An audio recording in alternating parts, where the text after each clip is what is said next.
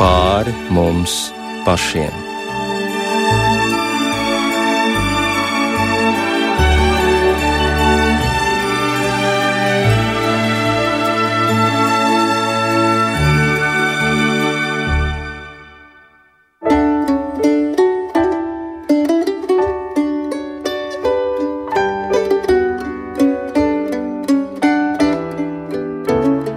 Sveicināti raidījumā pāri mums pašiem, lai ir slavēts Jēzus Kristus. Studijā Inte Zēgnere un turpmākā stunda būs veltīta Ukrainai. Tādai, kādu to redz Ukrāņu bērni savos bezgala aizkustinošajos zīmējumos, kas skatāmi izstādē pat vecerīgā mazajā pilsēlā divi, un runāsim par Ukrainas pieredzi arī ar Baptistu mācītāju biedrības globālā iniciatīva vadītāju Pēteri Eisānu kurš regulāri dodas uz šo zemi, lai palīdzētu gan praktiski, gan arī ar lūgšanām. Bet vispirms mēs dosimies uz Rīgas Svētā Jēkaba katedrāles draugas svētdienas skolu, kur ar organizācijas Karitas Latvijas gādību ir tapusi un vēl līdz 5. jūnijam skatāma Ukrāņu bērnu zīmējuma izstāde. Ticot, ka mākslas terapijai ir dziedinošs spēks, organizācija Karitas Latvijas ar Rīgas domas atbalstu Ukraiņas bēgļu atbalsta centrā izveidoja telpu, kurā brīvprātīgo mākslinieku vadībā bērniem bija iespēja zīmēt, lai kaut uz brīdi aizmirstu pieredzētās briesmas un ceļa grūtības, un tas bija veids, kā pavadīt laiku, kamēr mammas bēgļu atbalsta centrā kārto dokumentus un ir aizņemtas. Savukārt bērniem, pateicoties visiem labas gribas cilvēkiem, kas ziedoja zīmuļus, krāsas un papīrus, tātad visu nepieciešamo radošajam procesam, bērniem bija iespēja kaut uz brīdi atkal sajusties kā bērnībā un krāsās izteikt katram savu stāstu. Un lūk, mazajā pilsēlā divi es vakar sastapos ar šī projekta vadītāju, mākslas vēsturnieci Gabrielu Kabicinu Kabjēru kura tad arī aicināja iztaigāt šīs trīs izstāžu zāles.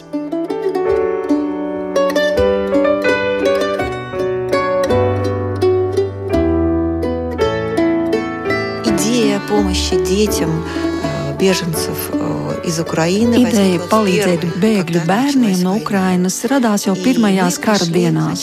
Sākumā mēs devāmies uz kongresa centru, kur notika bēgļu reģistrācija, bet pēc tam tālāk jau uz Kaļķu ielu viens. Un mēs bijām ļoti priecīgi, ka bērniem bija iespēja lielā telpā sākt radoši nodarboties. Mēs atnesām galdus, krēslus, materiālus un gaidījām, kad bērni atnāks. Un tas laikam bija tāds lūzuma moments. Jo mēs domājām, vai bērni varēs tā nomierināties un arī uzticēties mums, lai pēc visiem pārdzīvojumiem, par to, ka viņi pazaudējuši mājas, to, ka pēkšņi jāpamet sava valsts pēc ceļojuma grūtībām, pēc šīs jaunās vietas pieredzes vai tiešām bērns spēs uzticēties un noticēt atkal pasakai un uzmodināt šo radošo garu sevi.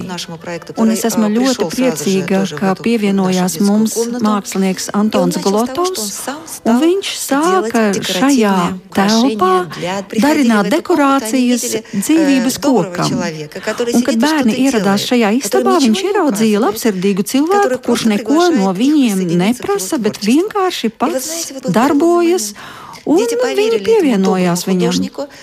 Bērni noticēja šim labsirdīgajam māksliniekam un sāka kopā ar viņu darināt šīs dekorācijas un zīmēt. Un jāteic, ka katrs bērns, kurš ieradās šajā istabā, arī it kā pārmantoja šo sajūtu, ka viss ir labi, mierīgi, viss notiek labsirdībā. Un šis dzīvības koks kļuva par simbolu drošai dzīvei, kas bērniem tik ļoti ir nepieciešama. Un mēs uzreiz jau sarunājām gan ar mākslinieku, gan arī ar arhibīskapu Zbigņevu Stankēviču, ka netiek bērniem dotas nekādas tēmas. Mēs neko nevaicājam šiem bērniem. Viņi vienkārši sāka paši zīmēt un izteikt to, kas ir viņu sirdīs, un radās brīnišķīgi darbi. Tur ir gan fantāzija, gan radoša lidojums, sapņa lidojums. šajā pirmajā zālē arī šos sapņus mēs varam redzēt.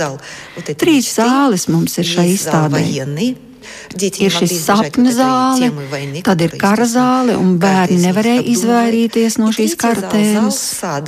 Un tad ir šis dārzs, trešā zāle, un tur ir putni un dzīvnieki, un mēs to nosaucām par paradīzes dārzu. Bet tagad mēs dodamies uz pirmo zāli. Jā, un pirmajā zālē uzreiz mūs sagaida milzīgs kuģis. To izveidoja bērni kopā ar mūsu mākslinieku, un ideja bija peldēt uz Ukrainu. Protams, šis kuģis var peldēt kur vien vēlas, bet šī kuģa nosaukums ir Ukraina uzvarēs. Bērni šeit izdarīja visu. Viņi izkrāsoja kuģi. Viņi uztaisīja šīs būras. Te ir masas, ir iluminātori, no kuriem viņi skatās un atvadās no tiem, kas paliek krastā. Vienvārds sakot, šis ir fantāzijas kuģis. Viņi spēlējās tajā tik labi, ka mēs nolēmām to novietot arī ekspozīcijā kā mākslas darbu. И дальше, конечно же, тут на стенах очень много рисунков, посвященных Un tālāk ir ļoti daudz dom, zīmējumu, kas ir veltīti mājai. Потерял, дом, mājai, kas ir pazaudēta, vai arī māju, kur viņi gribētu. Mēs redzam, cik ļoti viņi skumst pēc savām ģimenēm, pēc tēviem. Ļoti bieži šajos zīmējumos mēs redzam pilnu ģimeni - tētis, mamma, brālis, māsa. Un šie zīmējumi parāda, cik ļoti viņi vēlas to stāvokli, kāds bija pirms kara, kad visa ģimene ir kopā. Viņi zīmēja to, kas ir viņu zemapziņas dzīvēs.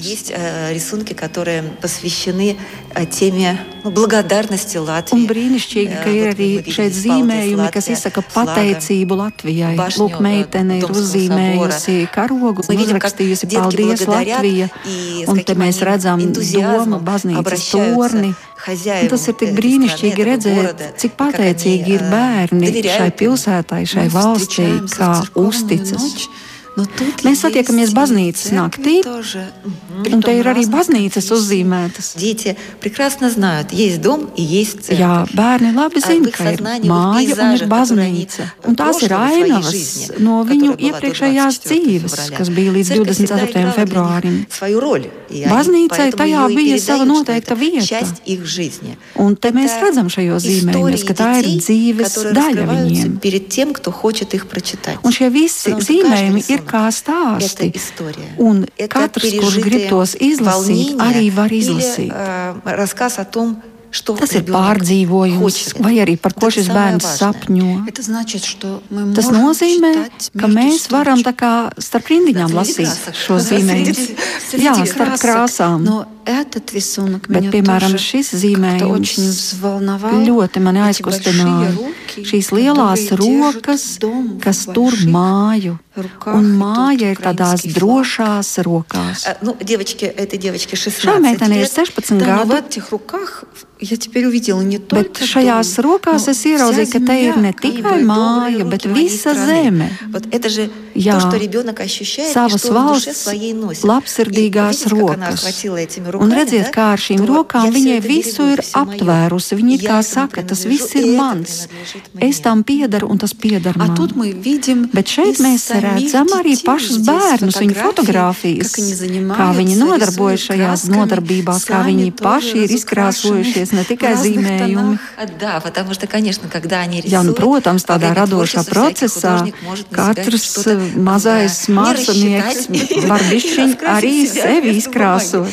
было все замечательно, где мыться было у нас. Bet tā nebija problēma, jo bija arī kur nomazgāties. Bet mēs redzam, cik ļoti viņi ir aizrāvušies ar šo radošo nodarbošanos. Māma sev to neredzēja, jo viņa stāvēja tajā laikā rindā, noformēja dokumentus.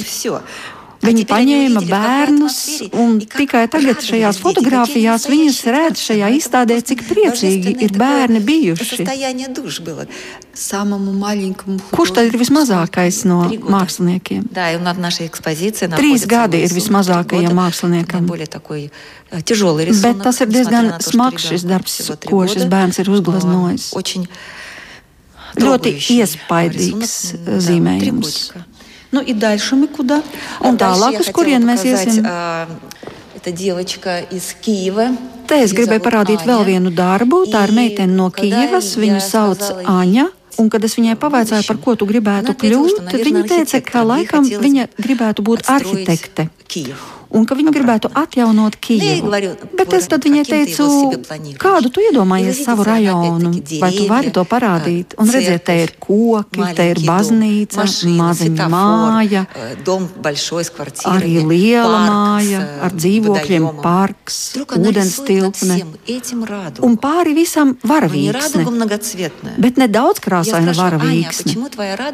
Es viņai prasu, kāpēc tikai divas krāsas ir varavīksnei, dzeltena un zila? Un viņa man saka, tikai manas valsts varavīksne mani izglābs вот м, благородная любовь к своей стране. Lūk, šī Естественный cēlā патриотизм savas ребенка, zemes который любит mīlestība. свою страну в деталях. Tas ir tiešām Той школе, где она patriotisms, учится, ko šie в тот bērni магазин, где она izpauž. приходит Jo к viņai знакомой viņas продавщице, zeme, tā покупает ir хлеб. skola, Это kurā есть viņa родина. mācījās.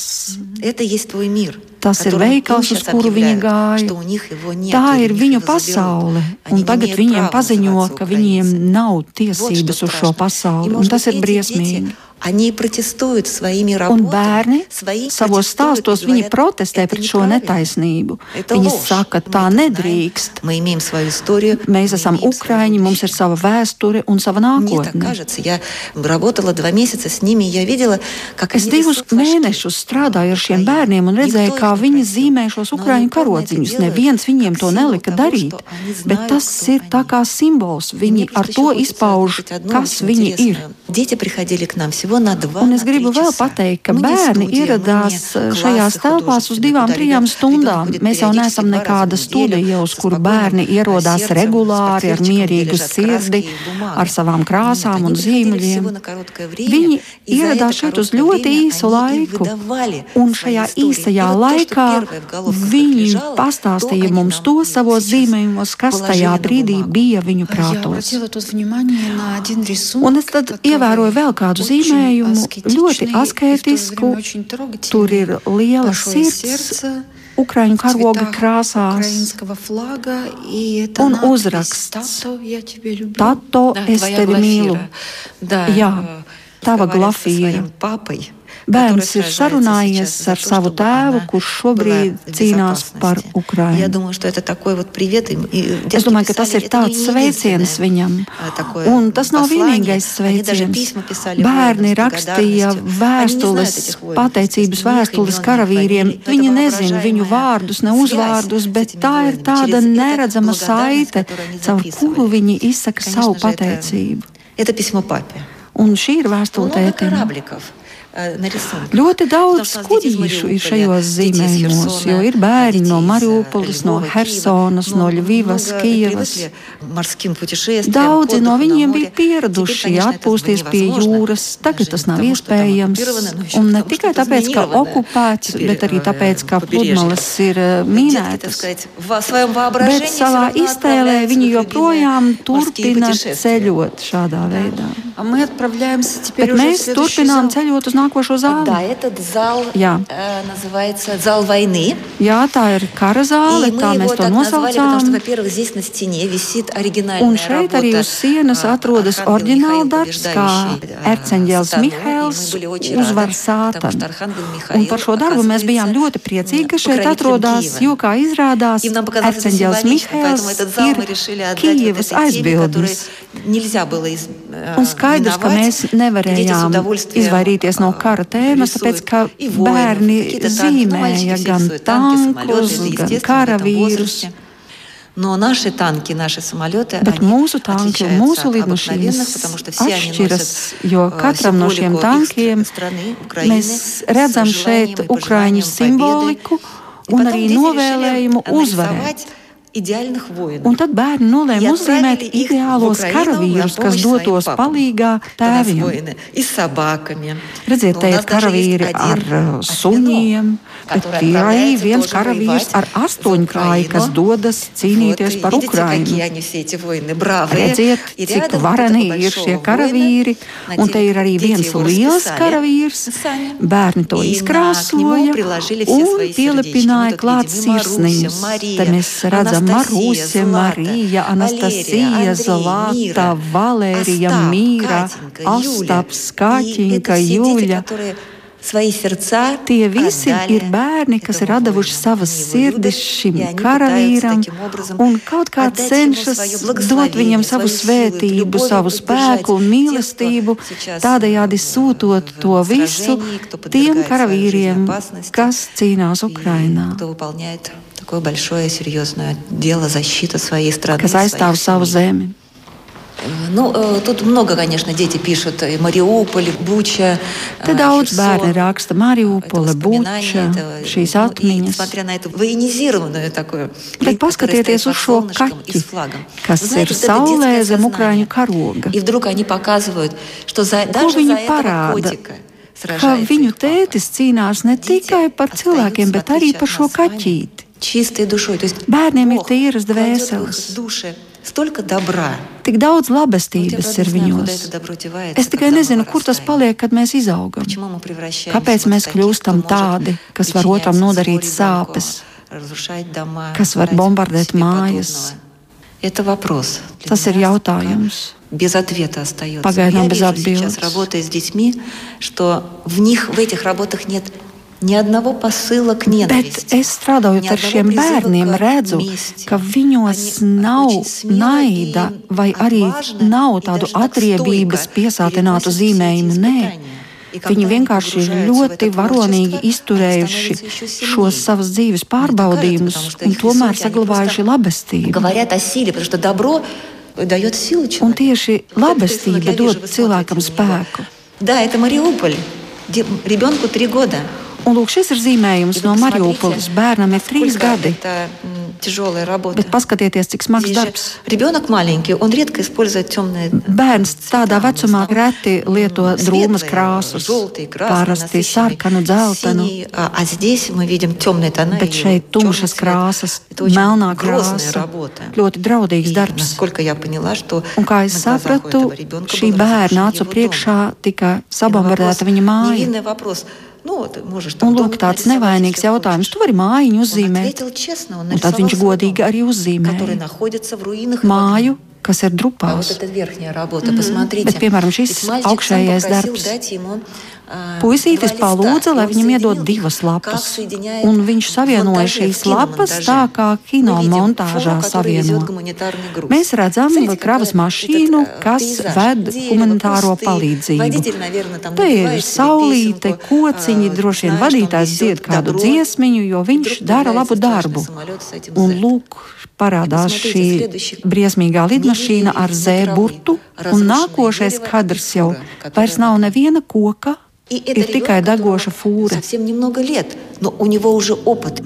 Bērns, kuram pavisam maz gadu, bet viņam jau ir šī pieredze, kas notiek. Nu, un tad ir šī trešā zāle, kā jau es teicu, tā ir dabas tematika. Ļoti daudz kaķu te ir.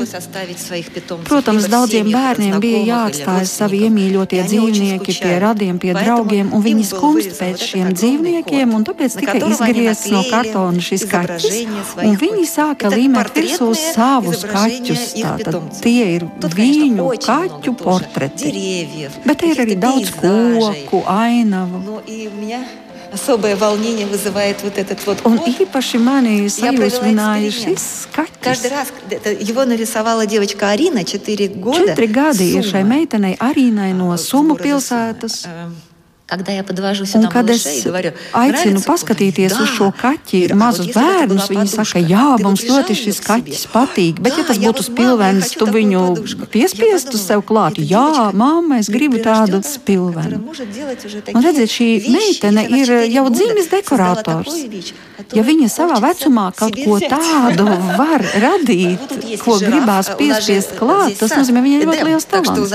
Bet šeit mums ir arī žirafe, jo tas taču ir ēdenes dārsts, bet tas nav parasts dzīvnieks. Šai žirafei ir spārni.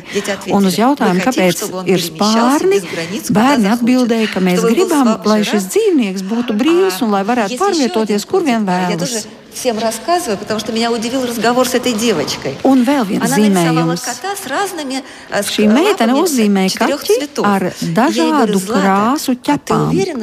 Un es vaicāju Zlata, vai tad tā mēdz būt? На что она подняла на меня глаз и говорит, а вы что ж не видели? Так часто бывает. Un viņa man teica, vai tad jūs neesat to redzējuši? Tā bieži notiek. Redziet, kāda bagāta iztēle ir šiem bērniem. Viņas kaķiem ir krāsainas ķepas. И, может быть, э, просто уже для вас я хотела закончить, может быть, одной интересной историей. Un vēl gribēju pastāstīt kādu interesantu stāstu. Я поднесла маленькая девочка Полина из Горловки. Это маленькая девочка, ей 4 года. Полина no Gorlovkas. Viņai ir 4 gadi, viņa uzzīmēja sevi un divus gliemežus, kas palika Gorlovkas ciemā. Gorlovkas vairs nav, tur bija drausmīga kara darbība. Un tā tad viņa atstāja šos divus gliemežus. Un tad viņa, kad pabeidz šo zīmējumu, saprot, ka kaut ko viņa vēl nav pabeigusi. Un tad viņa nākošajā zīmējumā uzzīmēja vēl arī draugu saviem diviem gliemežiem. Paška bruņu rupacīti. Un tas nozīmē, ka lūk, bērns cauri attālumam ir dāvājis šo draugu saviem diviem gliemežiem. Patiesībā tas ir Santekzepirī, kurš saka, ka mēs esam atbildīgi par tiem, ko esam pieredzinājuši. Mēs esam atbildīgi. Un lūk, šo vēstījumu viņa mums nodeva. Jūs jau stāstījāt vairākus stāstus. Acīm redzot, jums ar šiem bērniem bija arī sarunas sarunas par to, kā viņi jūtas šobrīd. Ļoti aizkustinoši ir šie stāsti. Varbūt ir vēl kādi. Es pastāstīšu, kā bērni reaģēja uz labsirdību. Kāda brīvprātīgā nodarbojās ar vienu puisīti. Viņš bija tāds ļoti noslēgts, un šī rīdziniece brīvprātīgā centās visādi viņam palīdzēt. Nu, nomierināties un visādi viņu izklaidēja. Pēc tam atnāca mamma, un tas puika ukraiņu valodā viņai saka kādu frāzi. Viņa nesaprot, viņš vēlreiz atkārto vēlreiz un vēlreiz. Un tad viņa aizved viņu pie vienas brīvprātīgās ukraiņu mākslinieces no Kīvas, Agneses Lukšinas, un saka, iztulko lūdzu. Es nesaprotu, ko viņš saka. Izrādās, ka visu šo laiku viņš ir centies pateikt. Es pateicos jums par to, ka jūs ar mani spēlējāties, ka tik daudz laika man veltījāt.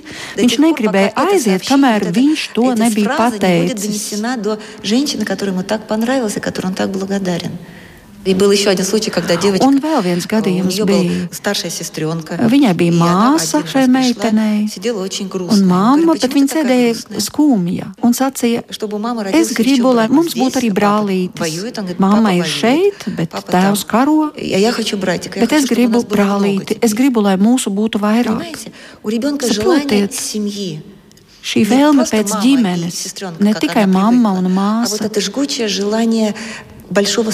Bet šī vēlme pēc lielākas kopienas, pēc mīlestības, un maziņš bērniņš, tas ir mīlestības simbols, turpinājums, kas ģimeni stiprina.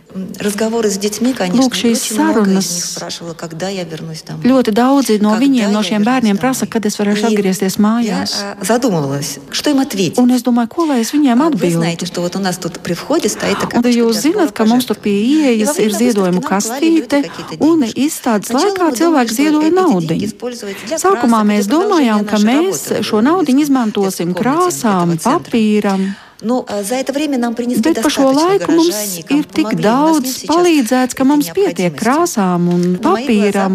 Bet toties pie manis nonāca kāds lūgums no karavīra, ka ir nepieciešams binoklis. Un, kad mēs atvērām ziedojumu kastīti, mēs secinājām, ka tur ir tieši tik daudz naudas, lai nopirktu binokli. Un tā tad ir tagad atbilde, kad es varēšu braukt mājās, kad būs uzvara, bet kad būs uzvara, tad, kad karavīrs uzvarēs, bet kad karavīrs uzvarēs, tad, kad būs nepieciešamais aprīkojums, lai viņš varētu uzvarēt. Un lūk, mūsu bērni arī ir piedalījušies kaut vai šo vienu binokli, palīdzēt kaldināt uzvaru. Bet pašā vidū istabā stāv dzīvības koks. Jā, tas ir koks ne tikai, kuru viņi izkrāsoja, bet viņš ir izdekorēts ar dažādām zvaigznēm.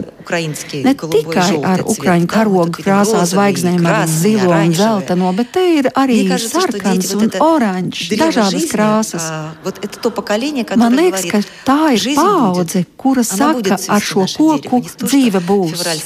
Neskatoties uz to, ka februāra augstu Atkritums nokoda ziedus, un ka mums tagad nav nekā, bet mēs iestādījām šo koku un augļi būs. Tikāmies ar Ukrāņu bērnu zīmējumu projekta vadītāju, mākslas vēsturnieci Gabrielu Kabicinu Kabjēru.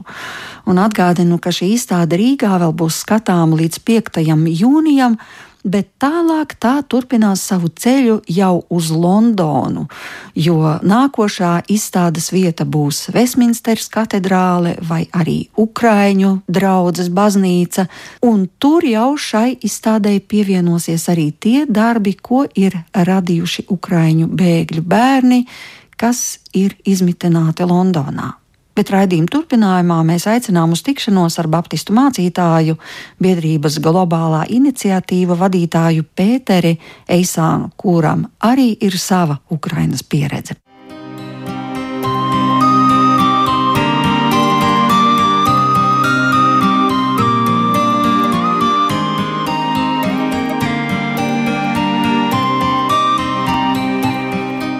Pēter, bieži vien man par tevi rodas tāda sajūta, ka ja vien kādā pasaules punktā ir nepieciešama palīdzība, tad tu tūlīt sāc organizēties, piesaisti domu biedrus un dari visu iespējamo, lai kaut kādā veidā atvieglinātu dzīvi cilvēkiem, kas ir nonākuši grūtībās.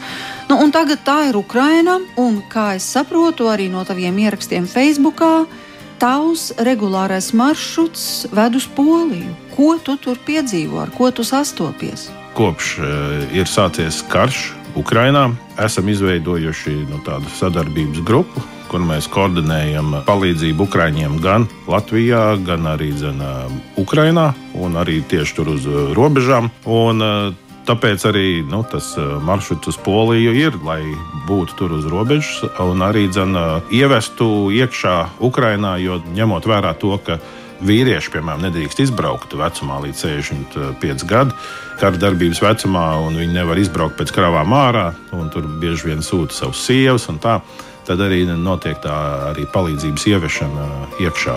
Tur brauc ļoti daudz brīvprātīgie, vairāk nekā es, bet eh, nu, mūsu sadarbības tīkls ir tajā iesaistīts.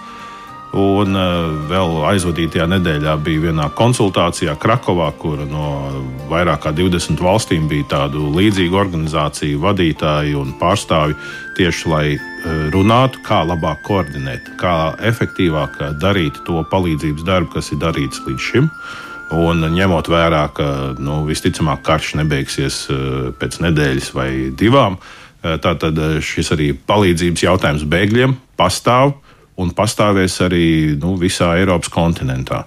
Un, un tad, kad mēs tur bijām gan no Ziemeļu valstīm, gan no Centrāla Eiropas, gan no Rietuma Eiropas, arī no Dienvidu Eiropas valstīm, nu, visur tur ir jūtama bēgļu klātbūtne, palīdzība ir jāorganizē, ir dažādi izaicinājumi. Ir daži izaicinājumi, kas ir nu, gandrīz pat pilnīgi identiski visās valstīs, ir kaut kādi, kas ir atšķirīgi. Karš ir realitāte, un, un tas mērogs un intensitāte. Nu, varbūt viena lieta ir tāda nu, salīdzinājumam. Cilvēkiem liekas, ka nu, tā pēdējā lielā patvērumu meklētāju un bēgļu krīze bija 2015. gads, tātad sīrieši Un, ja paskatāmies, tad uh, tur konflikta dēļ bēgļu gaitās devās aptuveni 6,5 miljonu sīriešu. Ārpus valsts viņi devās pāri robežām. Vispirms viņi visvairāk bija tieši vistuvākajās valstīs - Turcija, Libāna, Jordānija. Nu tā, bet ārpus savas valsts. Un aptuveni 6,5 miljoni palika savā valstī. Viņi nu, pārvietojās no tām vietām, kur ir kaujas, uz tām vietām, kur ir mierīgāk. Aptuveni 10 gadu laikā 13 miljoni bēgļu. Kas notiek ar Ukrajinu? Šobrīd trīs mēneši ir apritējuši aptuveni, un seši, vairāk kā 6 miljoni, nu, gandrīz 6,5 miljoni ir ārpus Ukrajinas, devušies bēgļu gaitās.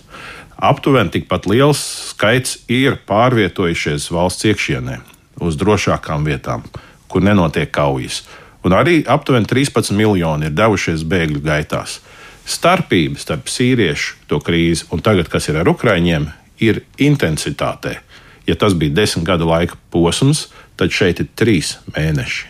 Un otra lieta ir jāņem vērā, ka jebkurā konfliktā visvairāk bēgļu kustība ir saistīta tieši ar valsts iekšieni vai arī tuvējo robežu, kur viņi pāriet pāri robežai uz tuvāko valsti. Ja, tādēļ tas ir loģiski, ja, ja Ukrainā ir kara darbība, tad viņi dosies vai nu uz Poliju, kas ir vistuvākā valsts, varbūt Rumāniju vai, vai, vai, vai Moldovu, bet tieši šajās robežas tuvumā. Un normāli, ka tās valsts, kas ir tieši robežu valsts, ka tur ir vislielākā spriedze, intensitāte un arī tā emocija visvairāk būs klāta. Tādēļ mēs esam arī tā, to uztveram ļoti personīgi, to, kas notiek Ukrajinā, un uh, arī ar tādu eh, personīgu iesaisti nu, arī Latvijā, ko mēs redzam, visa sabiedrība liek, nu, liekas, ka cilvēki pilnīgi to paņēmuši tā personīgi. Nu, kad, kad man būs mans ukrāņu bēglis, kad es beidzot varēšu viņu uzņemt? Un tāda attieksme Latvijā bija, bet arī citās valstīs, kad cilvēki to ņem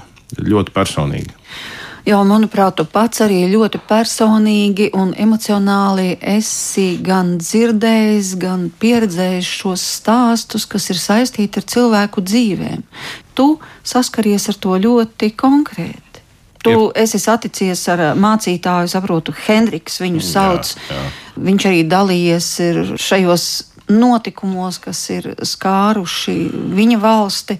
Kā tas viss ir bijis? Nu, esot tiešā un ciešā kontaktā ar, ar bēgļiem, vai nu tos transportēt, vai nu ēdot ar viņiem kopā pusdienas, vai, vai citās situācijās, gan arī, gan arī ar Ukraiņiem plānojot kaut kādas palīdzības. Jau no pirmās kara dienas es atceros, kad Tas bija viens no Ukrāņu baptistu līderiem, Igors Bandura, kad mēs bijām Zūmā. Ja, viņš pastāstīja, kā pirmajā kara dienā jau tur netālu no viņa mājas tur, tur sprāga bumbas, un, un, un viņiem kā bērni uz to reaģēja.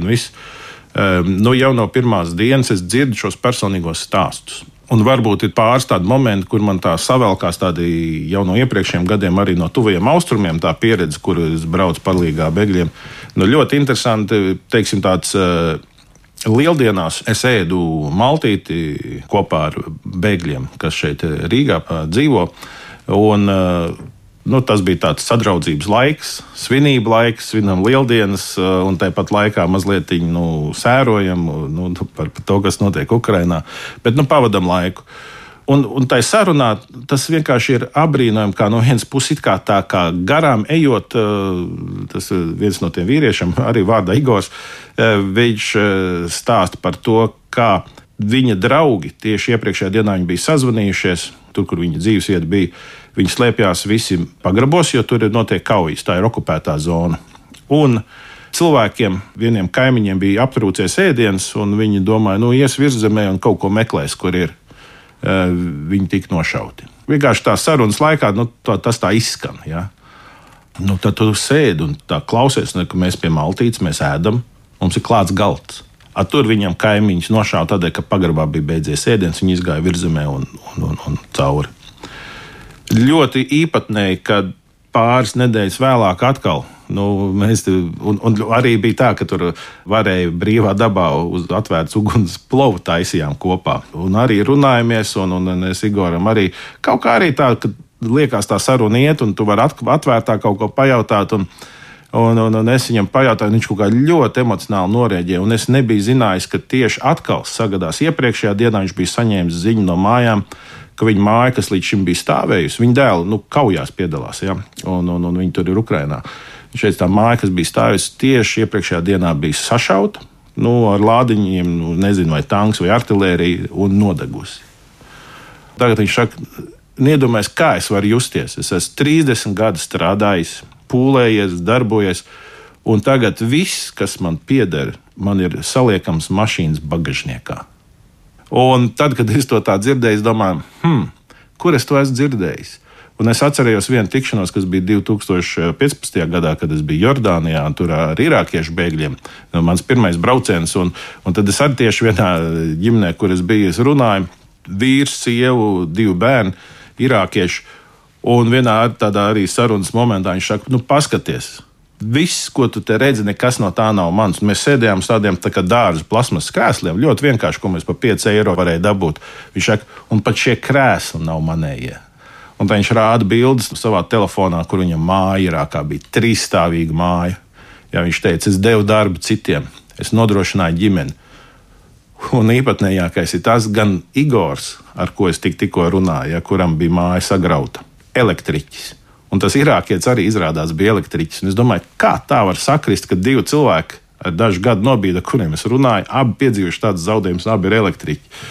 Bet tā emocija, tā drāma, tas zaudējums un tā identitātes krīze, ka tagad tev nekā vairs nav. Tas, uz ko tu būvēji savu identitāti, kā tu jūties vērtīgs vai ne, ka tu vari strādāt, tu vari apgādāt savu ģimeni, tu vari dot darbu citiem. Nu, tu jūties kaut kam vajadzīgs. Un tagad kas tu esi? Tu no citu žēlastības esi spiests dzīvot, un tu nezini, kas rītdien būs, vai tev pietiksies. Ja? Tie ir reāli stāsti un, un, un reāls emocijas. Un, piemēram, eh, Nu, tu arī minēji mācītāju Henriku, ko es satiku Polijā. Nu, eh, viņš tik, tikko bija atbraucis no Ukrainas. Nu, mēs satiekamies un, un, un runājamies un, eh, pusdienās, un viņš arī rāda bildes kur viņš bija Irpiņā, nu, tas tur netālu no Kijavas, viena no vietām, kur bija tās sākotnējās kaujas. Eh, kā tur viss ir saspridzināts, un tu pasties kaut kāda smuka jaunie rajoni, mūsdienīga apbūve, un kā tur viss eh, pārvērsts drupās. Manuprāt, tur bija astoņas baznīcas evaņģēliskās tajā pilsētā. No visām astoņām tikai viena bija palika nesabombardēta.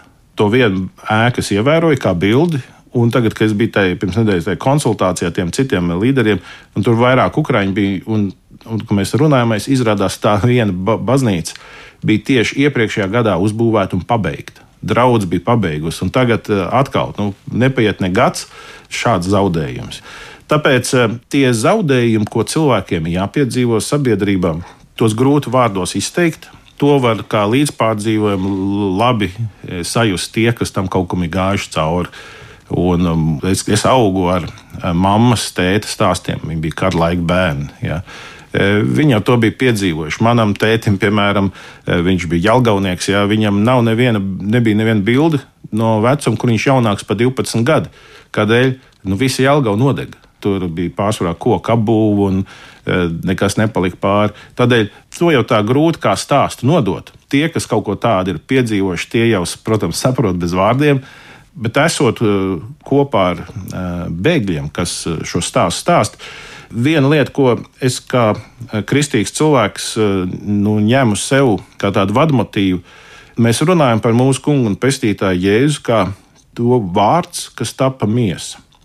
Tātad viņš ienāca laikā un telpā, un, un, un, un viens no tiem apzīmējumiem ir, ka viņš ir Imānuēls. Tātad tulkojumā Dievs ar mums, tātad klātbūtne. Un um, man liekas, šī klātbūtne ir ļoti svarīga kā kalpošana un kā attieksme. To, ko no Ukrāņiem es bieži dzirdu, ir arī tas, tas ir forši, ka jūs atveriet makus, ka jūs atveriet mājas, ka jūs atveriet no nu, savus galdus un klājiet un varam ēst. Tas viss ir forši. Bet uh, cik svarīgi mums ir tā klātbūtne un šī pieņemšana. Un tādēļ es domāju, tā ir ļoti arī tāda svarīga attieksme, ko mums mācīties, ka ne jau vienmēr mums visu Un atkal nevajag teikt, ka nu, vienu vajag, no otru nevajag. Vajag arī tās reālās taustāmās lietas. Nu, bez ēdiena neiztiks un, un, un, un, un zem tilta negulēs. Ja? Uh, ir jau tas vajadzīgs, bet nenovērtēsim par zemu tieši klātbūtni. Manuprāt, tā ir viena no lietām, arī, nu, ko nu, arī Latvijā, te, ja cilvēki domā, nu, ko es varētu darīt, nu, tā problēma ir liela. Nu, nevajag atrisināt problēmu visiem. Atrisina vienam.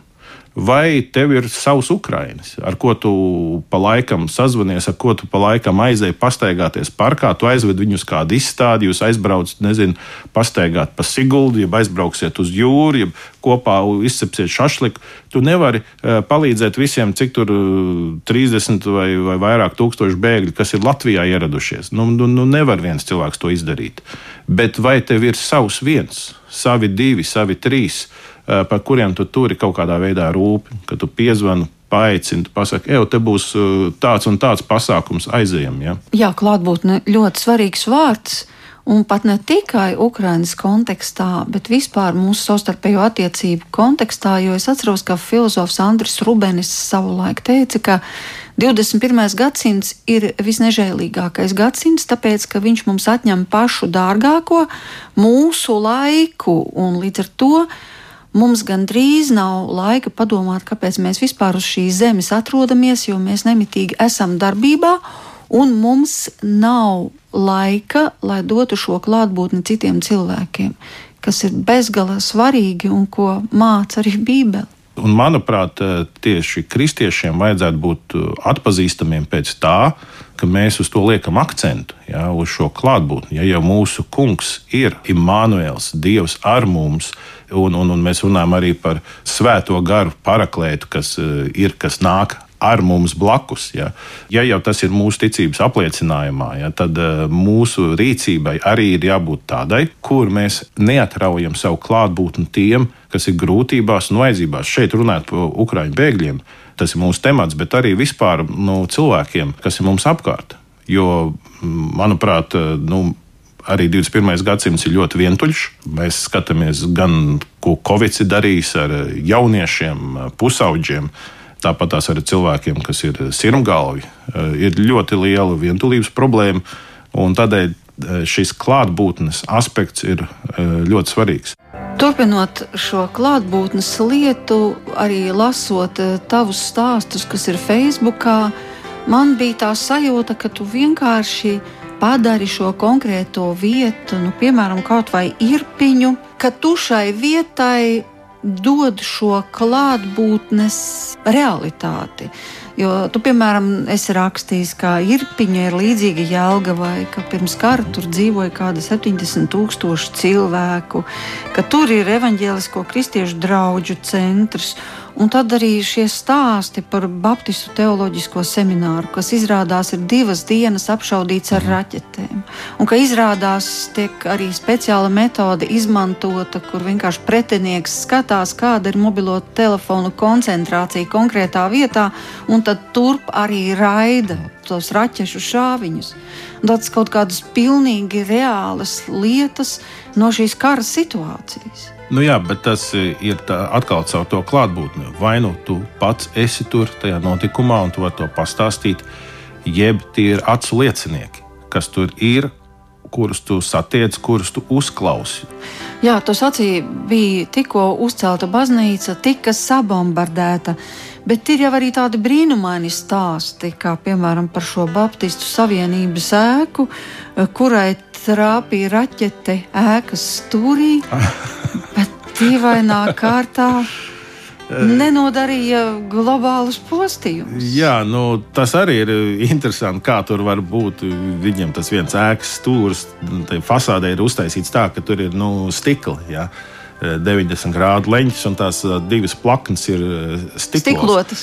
Stiklotas, un tā raķete kā nāca, pēku trāpīja, bet izskrēja cauri vienam stiklam izlidoja cauri ēkai, un pa otru logu izlidoja ārā. Tur paliek tikai izsisti stikli un nekas vairāk. Ja.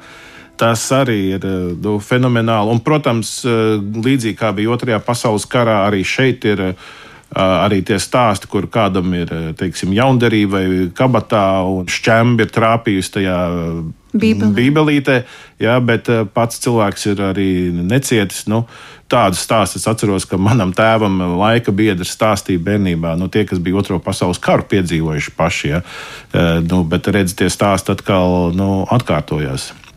Jā, bet savukārt tu jau nākošais nedēļa atkal dosies ceļā. Jā, pirmdien no rīta jau braucam, dodamies iepirkt eh, pārtiku, pamperus. Ir, ir vesels sarakstīns, ko vajag, eh, gultas veļa. Un, starp citu, tie pamperi ir eh, pieaugušiem viena nopietna lieta, jo tīri tajās vietās, kur aizbēga cilvēki prom, aizbēga darbspējīgie, jaunie, palika seniori, kuri vairs negrib vai arī nevar pārvietoties. Un līdz ar to eh, mums no draudzēm eh, ziņo, ka ir ļoti liels skaits. Nu, proporcionāli no tiem iedzīvotājiem palikušiem tajās okupētajās vietās, kas ir uz gultas, kopjami un kuriem šīs higiēnas preces ir vajadzīgas. Tādēļ katrā sarakstā, ko mēs saņemam, pamperi ir kā viena no lietām, ko vajag tieši senioriem un, un viņi tur ir daudz. Un tādēļ arī nu, draugs cenšas kopt, aprūpēt, bet nu, tur arī vajadzīgi šie nu, materiāli. Un tas nozīmē, ka jūs uh, sakrausiet visas šīs vajadzīgās preces mašīnās un tālāk dosieties jau rīt no rīta uz Poliju. Dodamies uz Poliju un tad uh, pāri pa robežu braucam iekšā. Jo spēka gados vīrieši nevar izbraukt ārā. Ne? Tādēļ mēs braucam iekšā Ukrajinā, ievedam, aizvedam uz tuvāko pilsētu un uh, tad tur arī izkraujam. Tas ir bīstami braukt tur iekšā. Jāsaka, tā, ja šī ir pirmā reize, kad es par to aizdomājos. Jo pienāca ziņas, ka tieši nu, Baltkrievijas pusē tagad ir kaut kādas pārbīdes un, un, un, un teiksim, tā eh, koveļa, uz kuriem mēs brauksim, nu, tā ir nu, nezinu, kāda, nezinu, 20 km no robežas. Ja. Un iepriekš arī tur viņam kaut kādas raķetes bijušas, tā, bet eh, nu, tagad, ja tur ir pēkšņi kaut kāda militāra darbība, tad, protams, nav patīkami, jo tas ir eh, tuvākā šoseja nu, Baltkrievijas robežai, ja tā varētu teikt, tāda nu, lielākā. Bet nu, arī nu, jāsaka tā, ka kas jādara, jādara, un nu, visu uzticam Dieva vadībai. Jā, un vēl viens praktisks jautājums. Ja cilvēki grib palīdzēt arī šai misijai, ko jūs veicat, tad kādā veidā tas ir iespējams? Nu, viens tīri, lai seko sociālos tīklos uh, Baltijas globālajai iniciatīvai, un, un arī, ja grib kaut kādā veidā iesaistīties ar ziedojumiem, tur arī varēs atrast. Un, un, un arī ar savām lūkšanām. Lai visi kristieši lūdz un, un atbalsta tādā veidā. Gan to, ko mēs varam izdarīt šeit, uh, atbalstot Ukrāņus Latvijā, gan arī, arī aizbraucot tur un, un palīdzot tieši klātienē. Jā, es esmu pārliecināta, ka daudzi klausītāji noteikti arī lūgs par tevi un par jums, lai Dievs jūs šajā ceļā sargā un lai jūs varat veikt to pienākumu, ko jūs pēc savas sirds aicinājuma esat uzņēmušies.